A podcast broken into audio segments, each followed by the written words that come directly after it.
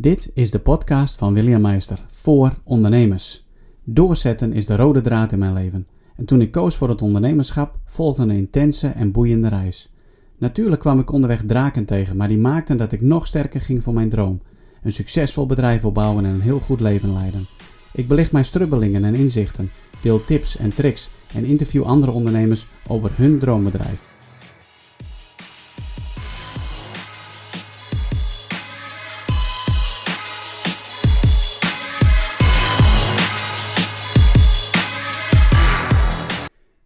Ik heb net een hele podcastaflevering gemaakt. Nou, ik zeg net, ik bedoel gisteren. En ik heb hem vanmorgen even teruggeluisterd en ik dacht bij mezelf: nee, dat gaan we maar gewoon niet doen. En ik heb gewoon op delete gedrukt en ik heb hem weggegooid. En we beginnen gewoon weer opnieuw.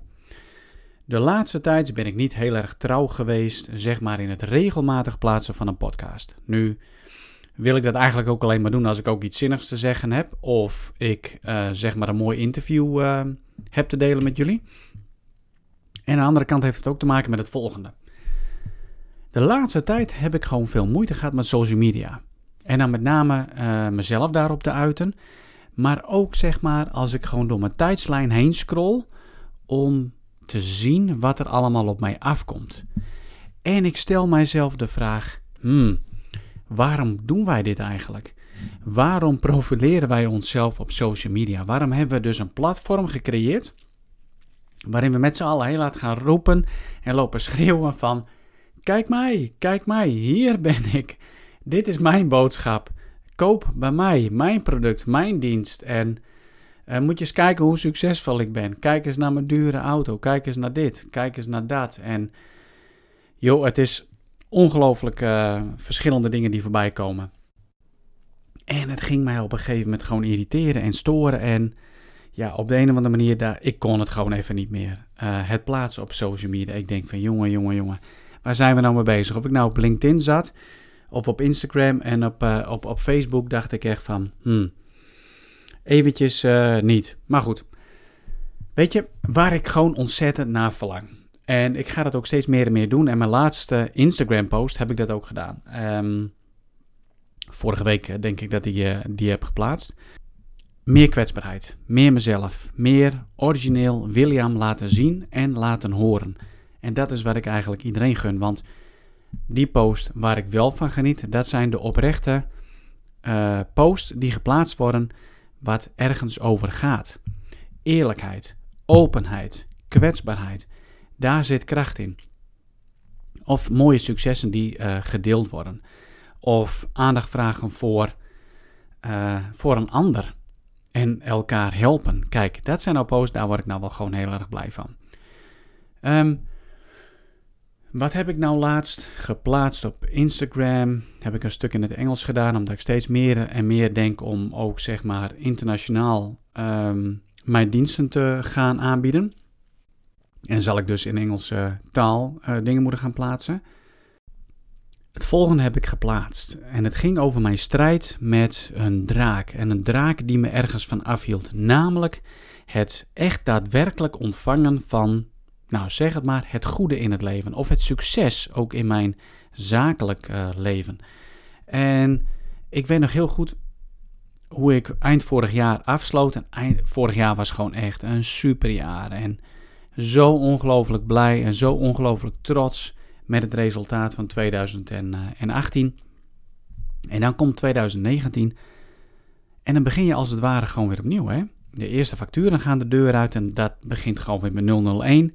Ja, misschien zou ik die moeten laten doorlopen, maar goed, je begint gewoon weer op 1. Uh, je omzet begint gewoon weer bij 0 en op een gegeven moment had ik zoiets van, jeetje, ben ik wel weer in staat om hetzelfde neer te zetten? Sterker nog, ben ik in staat om mijn omzet te verhogen of om te verdubbelen. En dat spookte wat door mijn hoofd heen en het liep me niet los. En op een gegeven moment merkte ik dat mijn aandacht, mijn focus, ging echt uit zeg maar, naar een soort van zorg, een soort van angst, dat uh, in mij, ja, hoe moet je dat zeggen, broeide. En dat er dan uiteindelijk voor gaat zorgen dat je jezelf als het ware blokkeert. Sterker nog, misschien wel saboteert voor het succes wat al klaar ligt uh, voor ons. En dus ook voor mij en voor jou. Nu geloof ik in, in God. Ik geloof in het universum, hoor ik dan ook wel op me heen, hè, dat mensen dat uh, zeggen. Maar voor mij is het gewoon God. En God is voor mij uh, geest. En leeft er door ons heen, door de mensheid heen. En in de schepping en in de natuur. En is eigenlijk overal. En uh, ik geloof dat de dingen die gebeuren, zeg maar, um, met een reden gebeuren voor ons om nou, daar ook van te leren, te ontwikkelen, te ontdekken, om verder te komen in het leven, te genieten en noem het maar op. En ik merkte dat er op een gegeven moment bepaalde dingen uh, gebeurden. Ik werd gewezen op een mooie podcast. Die ging ik luisteren.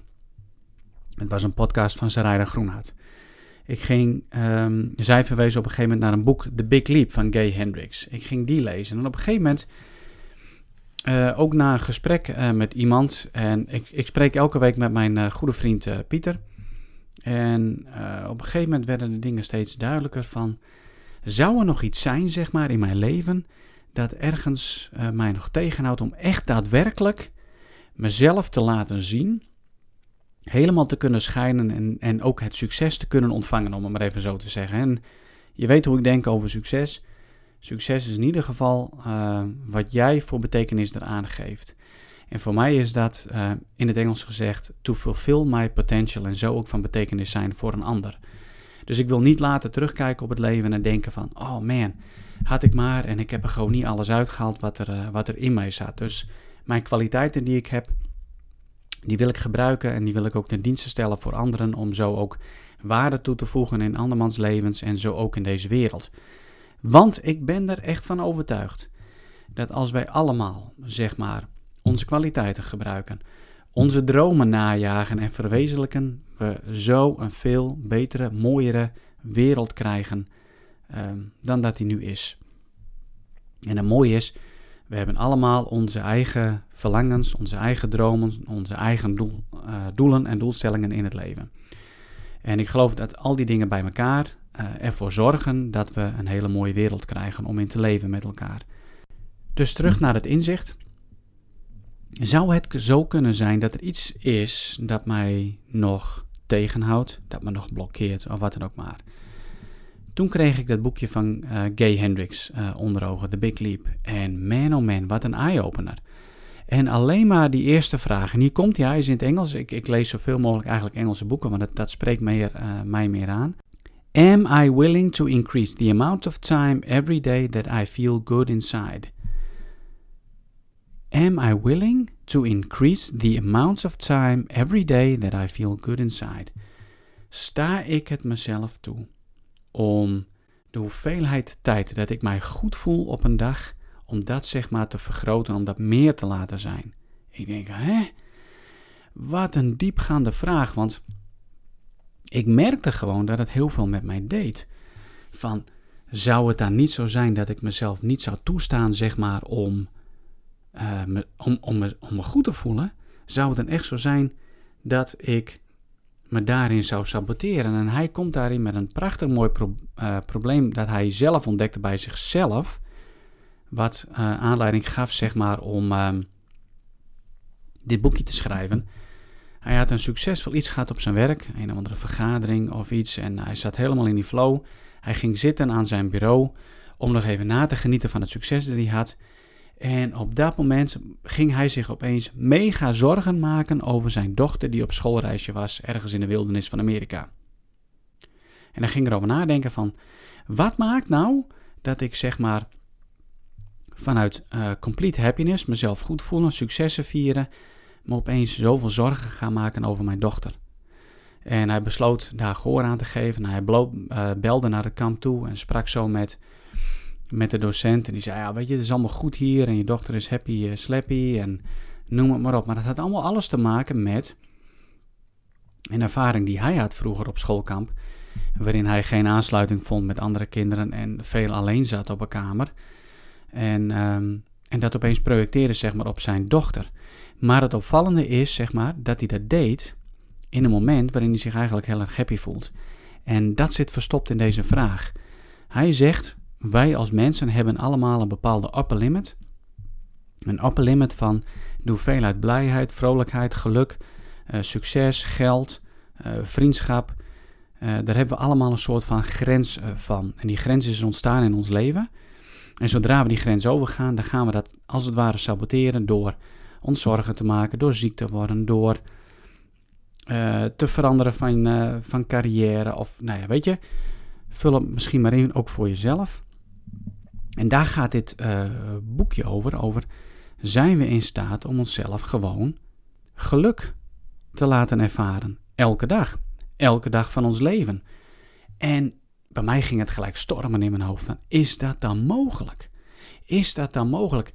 Ik bedoel, voor mij is het zo van, ja, in het leven daar, daar zitten nou eenmaal ups en downs. En je kan toch niet elke dag gewoon blij zijn? Of je kunt toch niet elke dag een jippie dag hebben, zoals ik dat dan noem? Daar hoort toch altijd een tegenstelling uh, in te zitten. Maar ja, dat is maar net de vraag. Dat is dus mijn overtuiging. En um, hoe gaaf zou het zijn om wel elke dag jezelf gewoon goed te voelen.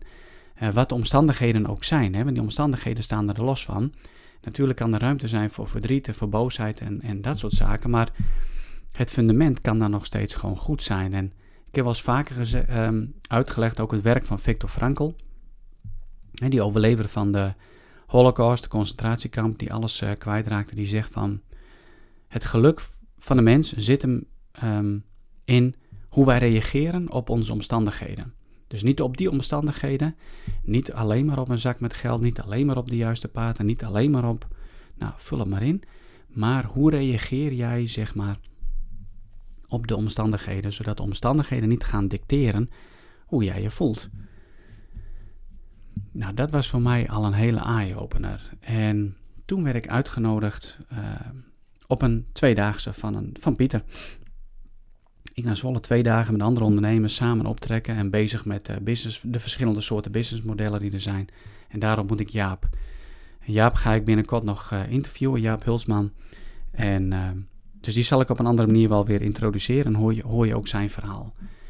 En ik ontmoet hem en er ontstaat een bepaalde klik. En, en uiteindelijk een week later, nou binnen een week, zit ik bij hem uh, in Amsterdam. Uh, heb ik een bepaalde sessie uh, bij hem, waarover later meer. En kom ik uiteindelijk tot de, conclusie dat er nog iets is in mijn leven wat mij dus tegenhoudt. En dat heeft met name te maken met hoe ik kijk um, naar mijn verleden. Naar mijn familie, de familie-issues die daarin hebben plaatsgevonden tot helemaal terug in ehm, eh, de generatie van mijn grootouders, die ik helaas nooit heb gekend. Dat is dan allemaal onbewust. Dat zijn dan dingen die me dan hebben tegengehouden, waardoor zeg maar in mijn onderbewustzijn, als ik dan die Engelse vraag zou beantwoorden van am I willing to increase the amount of time every day that I feel good inside, dat daar dus eigenlijk een nee uit uh, komt. I am not willing to increase that amount that I feel good inside every day. En dat is best wel shocking om daar achter te komen. Maar het mooie is, je kunt het ook fixen. En het mooie is, is even heel kort, ik kwam tot een inzicht dat ik zeg maar sta op de schouders van mijn ouders en mijn voorouders. En op een gegeven moment, ik zag ze zo uh, voor me, uh, mij ondersteunend, ik sta op hun schouders. En ze duwen mij omhoog en ze duwen mij omhoog, zodat ik zeg maar over een muur heen kon kijken waar zij niet overheen konden kijken. En waarbij ik als het ware um, het land van melk en honing zag, om het maar even zo te zeggen. En omdat zij mij zeg maar zo omhoog steunen, dat ik zeg maar die sprong kon wagen naar het beloofde land. En, en als ik die sprong zou wagen, dat ik daar niet zeg maar egoïstisch zou zijn en, en mijn lijn zeg maar zou verlogenen, maar juist die lijn zou kunnen eren. En dat er iemand in die lijn was die zeg maar die sprong naar het nieuwe land waagde. En dat was voor mij zo'n mega de pegen uh, inzicht. Dat ik merkte dat er iets veranderde voor mij van binnen. En in de dagen daarna um, bezocht ik het graf van, uh, van mijn moeder. En mijn relatie met mijn moeder is best wel, ja, is best wel moeilijk geweest. Het is best wel complex geweest. En niet altijd even goed. En ik heb nadat zij zeg maar een dikke zeven jaar geleden is overleden, heb ik haar ook uh, vergeven. En, maar nu ging ik een, een, fase dieper. Ik had nieuwe bloemen gekocht. En ik bracht die naar haar graf en ehm, prachtige mooi gekleurde bloemetjes. En het lukte mij, zeg maar, om naar haar eh, te kijken, zo terug naar het verleden en haar te eren en zeg maar haar ook te bedanken voor, voor wie zij was, maar zeker te bedanken ook voor mijn leven en wat zij daarin heeft betekend voor mij.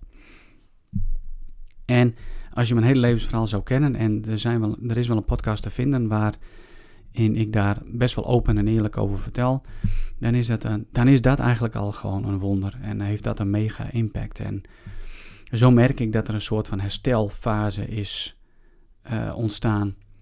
En daar geniet ik gewoon uh, enorm van.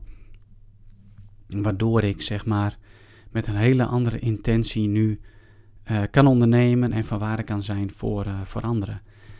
Um, daarna werd ik uitgenodigd, weer door Pieter, dus lang leven Pieter. Pieter, dankjewel als je luistert voor een event van Ilko de Boer en Dolly Heuveling van Beek, Devoted. En daar leren we uh, onder andere uh, nou, wat oordelen doet met je. dat we allemaal wel bepaalde oordelen hebben en overtuigingen, maar ook het loskomen van de groep. Is er dan, is er dan nog een bepaalde groep, zeg maar, wat je tegenhoudt, zeg maar, om echt daadwerkelijk het succes te bereiken dat je zou willen? Zit je nog vast in een bepaald systeem, zeg maar, wat je uh, vasthoudt, waar jij een stukje loyaliteit naar voelt, wat ervoor zorgt dat je gewoon niet een stap verder komt in, in het verwezenlijken van je dromen uh, en je zakelijk succes. En ja, dat was ook gewoon beren interessant. En op een gegeven moment was daar uh, Andrew, Andre Norman uit Amerika, die deed de live familieopstellingen, wat mega heftig was voor sommigen, maar zo ongelooflijk helend voor degene die daar aan meewerkte.